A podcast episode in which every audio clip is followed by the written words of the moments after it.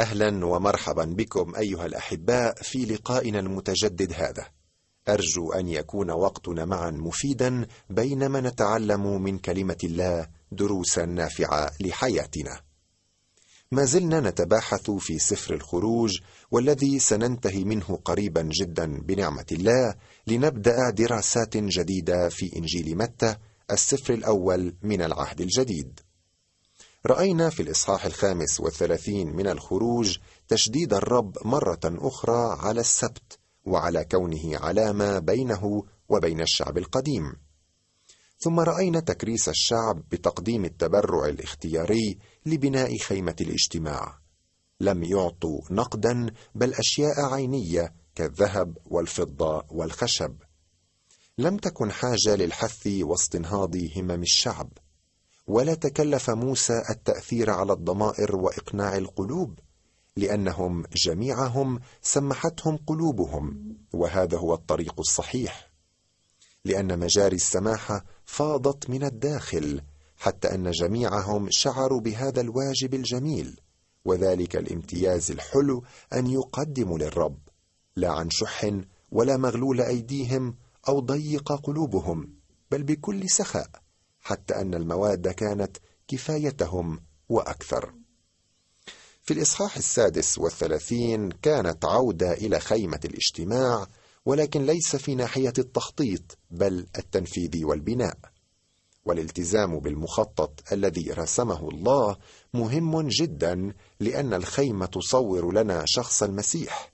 وهنا أكرر ما قلته في الحلقة السابقة أنه يوجد لدينا بعض الرسومات لخيمة الاجتماع والأثاث الذي بداخلها ونحن نرسلها لمن يطلبها منا.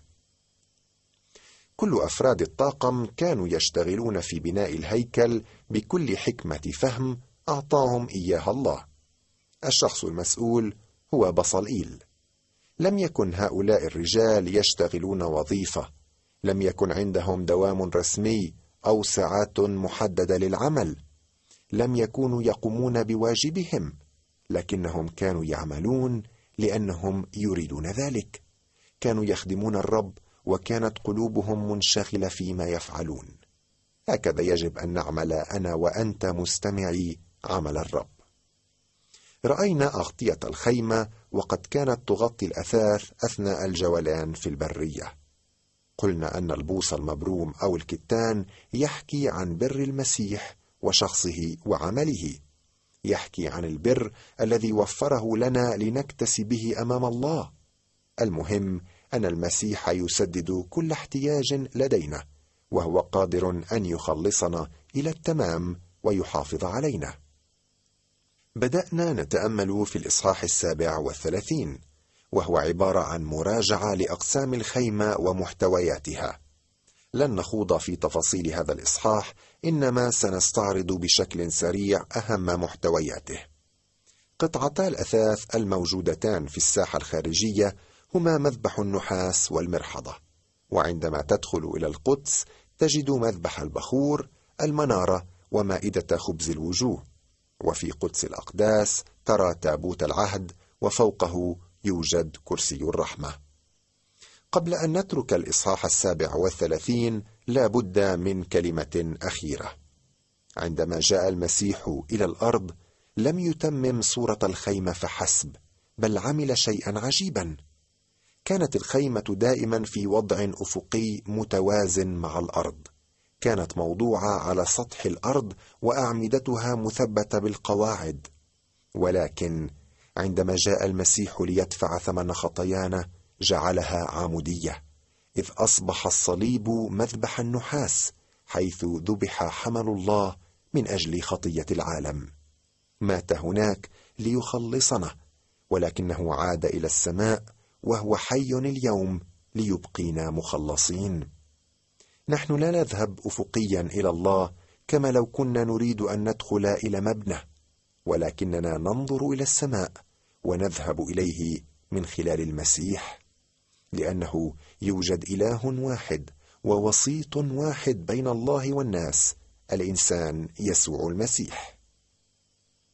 أين أنت اليوم يا صديقي بالنسبة إلى خيمة الاجتماع؟ هل تحتاج أن تقف بجانب مذبح النحاس لتخلص؟ هناك الكثيرون ممن يحتاجون أن يذهبوا إلى هناك. هل أنت مؤمن مخلص؟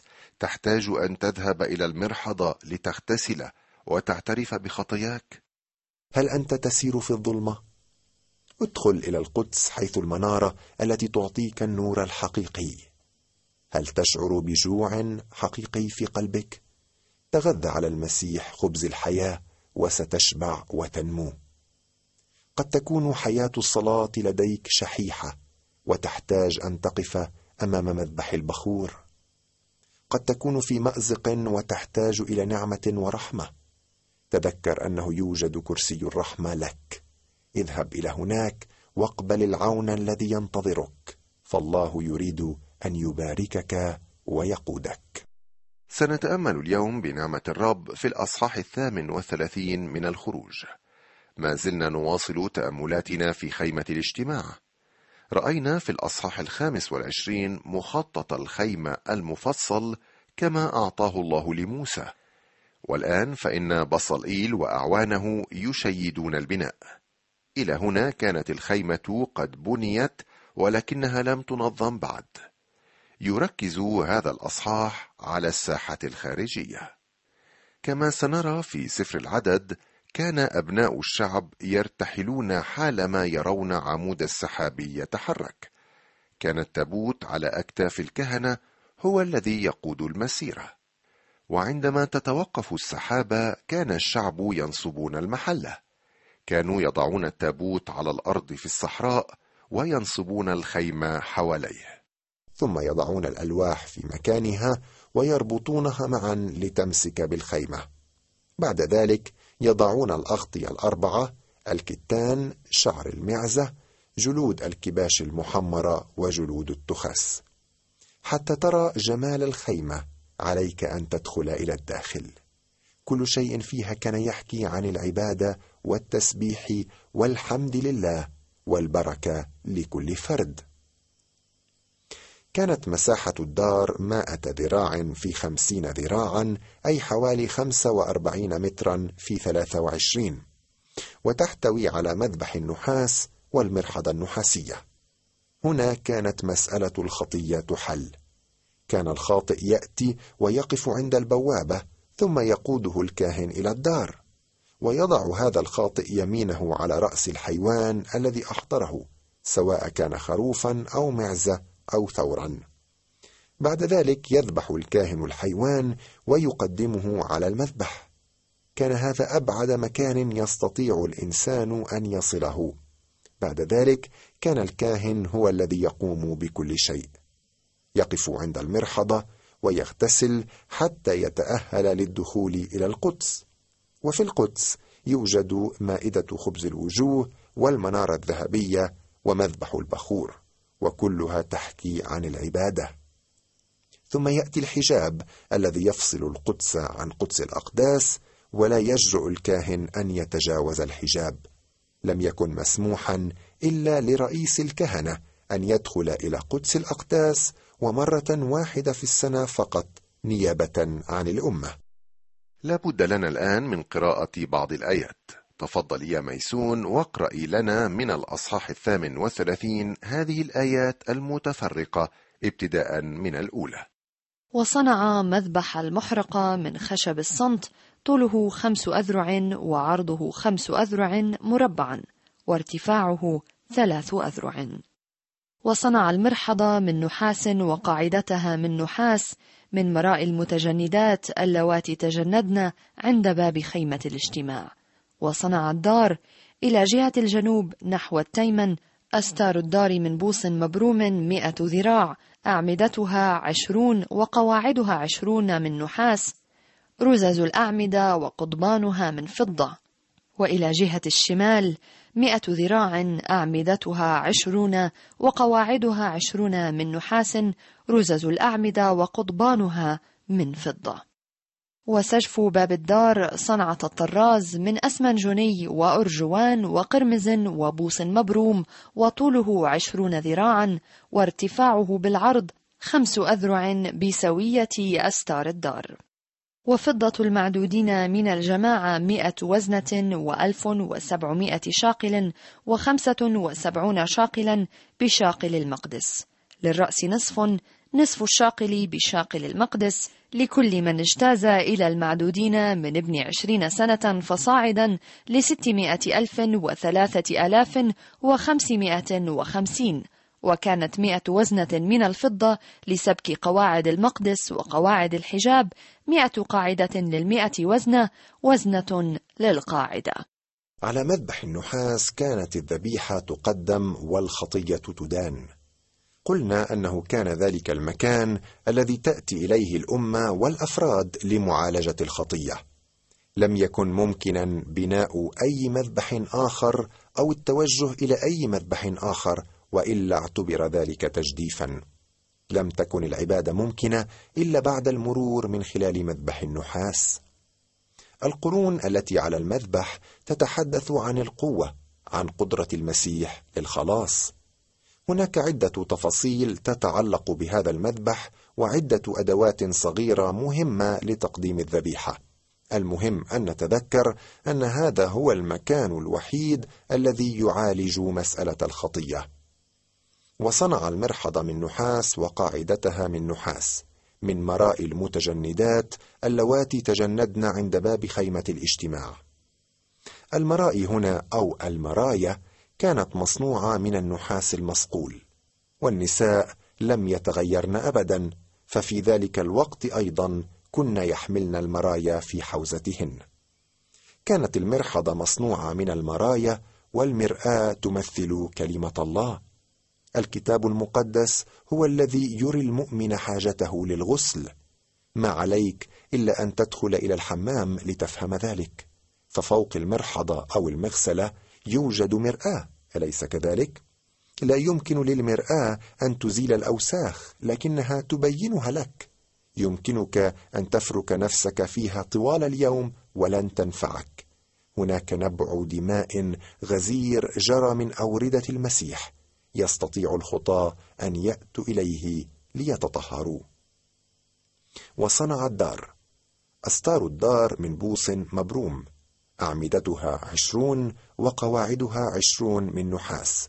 رزز الأعمدة وقضبانها من فضة. البوص أو الكتان يصور لنا بشرية المسيح وأنه مات كابن الإنسان عنا. بدون موت المسيح وسفك الدم لم يكن الخلاص ممكنا. حياة المسيح لا تخلصنا بل تديننا لأنها كانت طاهرة. موته هو الذي يخلصنا.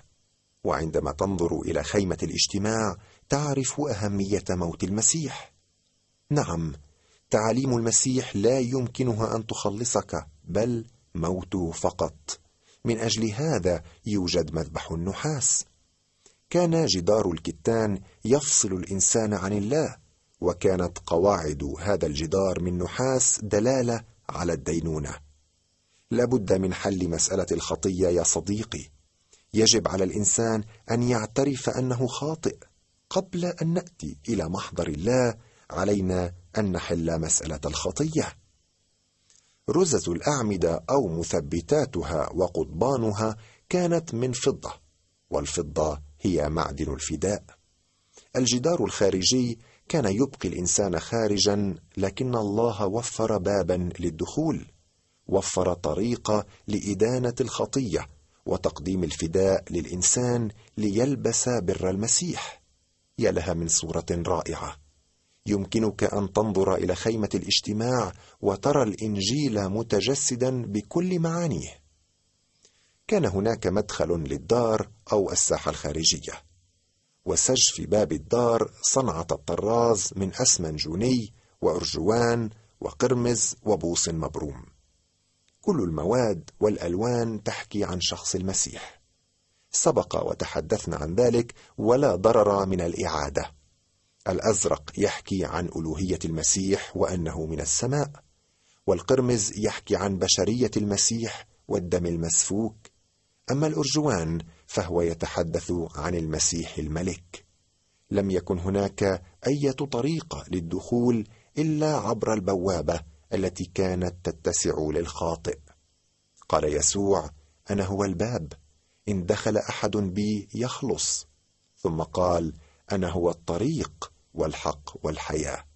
البوابة هي الطريق المؤدي إلى الخلاص. الباب الثاني هو المؤدي إلى القدس وهو يشير إلى الحق. قال يسوع أنه إذا أردنا أن نعبد الله فعلينا أن نعبده بالروح والحق. علينا أن نعترف بأنه الله وأنه مات من أجل خطايا البشرية جمعاء وأنه الطريق الوحيد المؤدي للسماء. أما الباب الأخير فهو الحجاب المؤدي إلى قدس الأقداس. وهذا الحجاب يحكي عن حياة المسيح التي بذلها على الصليب. عندما مات انشق الحجاب من أعلى إلى أسفل معلنا أن الطريق إلى الله قد فتح. وهذا هو الحياة. نعم من خلال الأبواب الثلاثة نرى أن المسيح هو الطريق والحق والحياة ولا أحد يأتي إلى الآب إلا به. من الجدير بالذكر أن الخلاص يتم فرديا. كل واحد يجب أن يحصل على الخلاص. صحيح أن الشعب القديم كان مختارا كأمة ولكن كل فرد كان عليه أن يقبل الخلاص. وفضة المعدودين من الجماعة مئة وزن وألف وسبعمائة شاقل وخمسة وسبعون شاقلا بشاقل المقدس. للرأس نصف نصف الشاقل بشاقل المقدس. لكل من اجتاز إلى المعدودين من ابن عشرين سنة فصاعدا. أحضر أبناء الشعب الفضة لأنها تشير إلى الفداء. كل واحد كان يحضر الفضة ليفتدى ونحن افتدينا بدم المسيح الثمين الذي هو أثمن من الفضة والذهب. طبعا لم يخلص كل أبناء الشعب بل بقيه منهم كما هو الحال في الكنيسة حيث أن كل الأعضاء ليسوا مخلصين بل مجموعة منهم. التردد إلى الكنيسة لا يعني أنك مخلص يا صديقي. بل إيمانك بالمسيح هو الدليل الوحيد. وكانت مئة وزنة من الفضة لسبك قواعد المقدس وقواعد الحجاب. كانت الخيمة ترتكز على الفضة على الفداء. كل شخص اليوم عليه أن يقبل الفداء الذي في المسيح.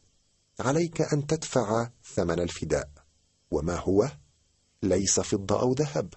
الشرط الوحيد هو أن تكون عطشانا.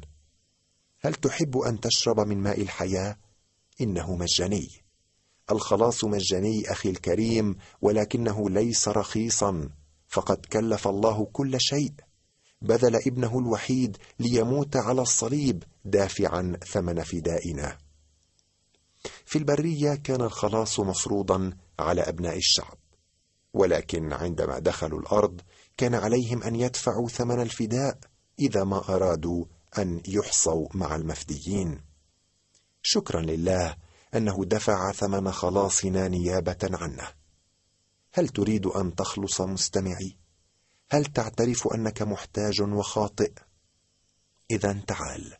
لقد دفع الثمن وسفك المسيح دمه لأجلك وهو يمكنك من القدوم إلى الله.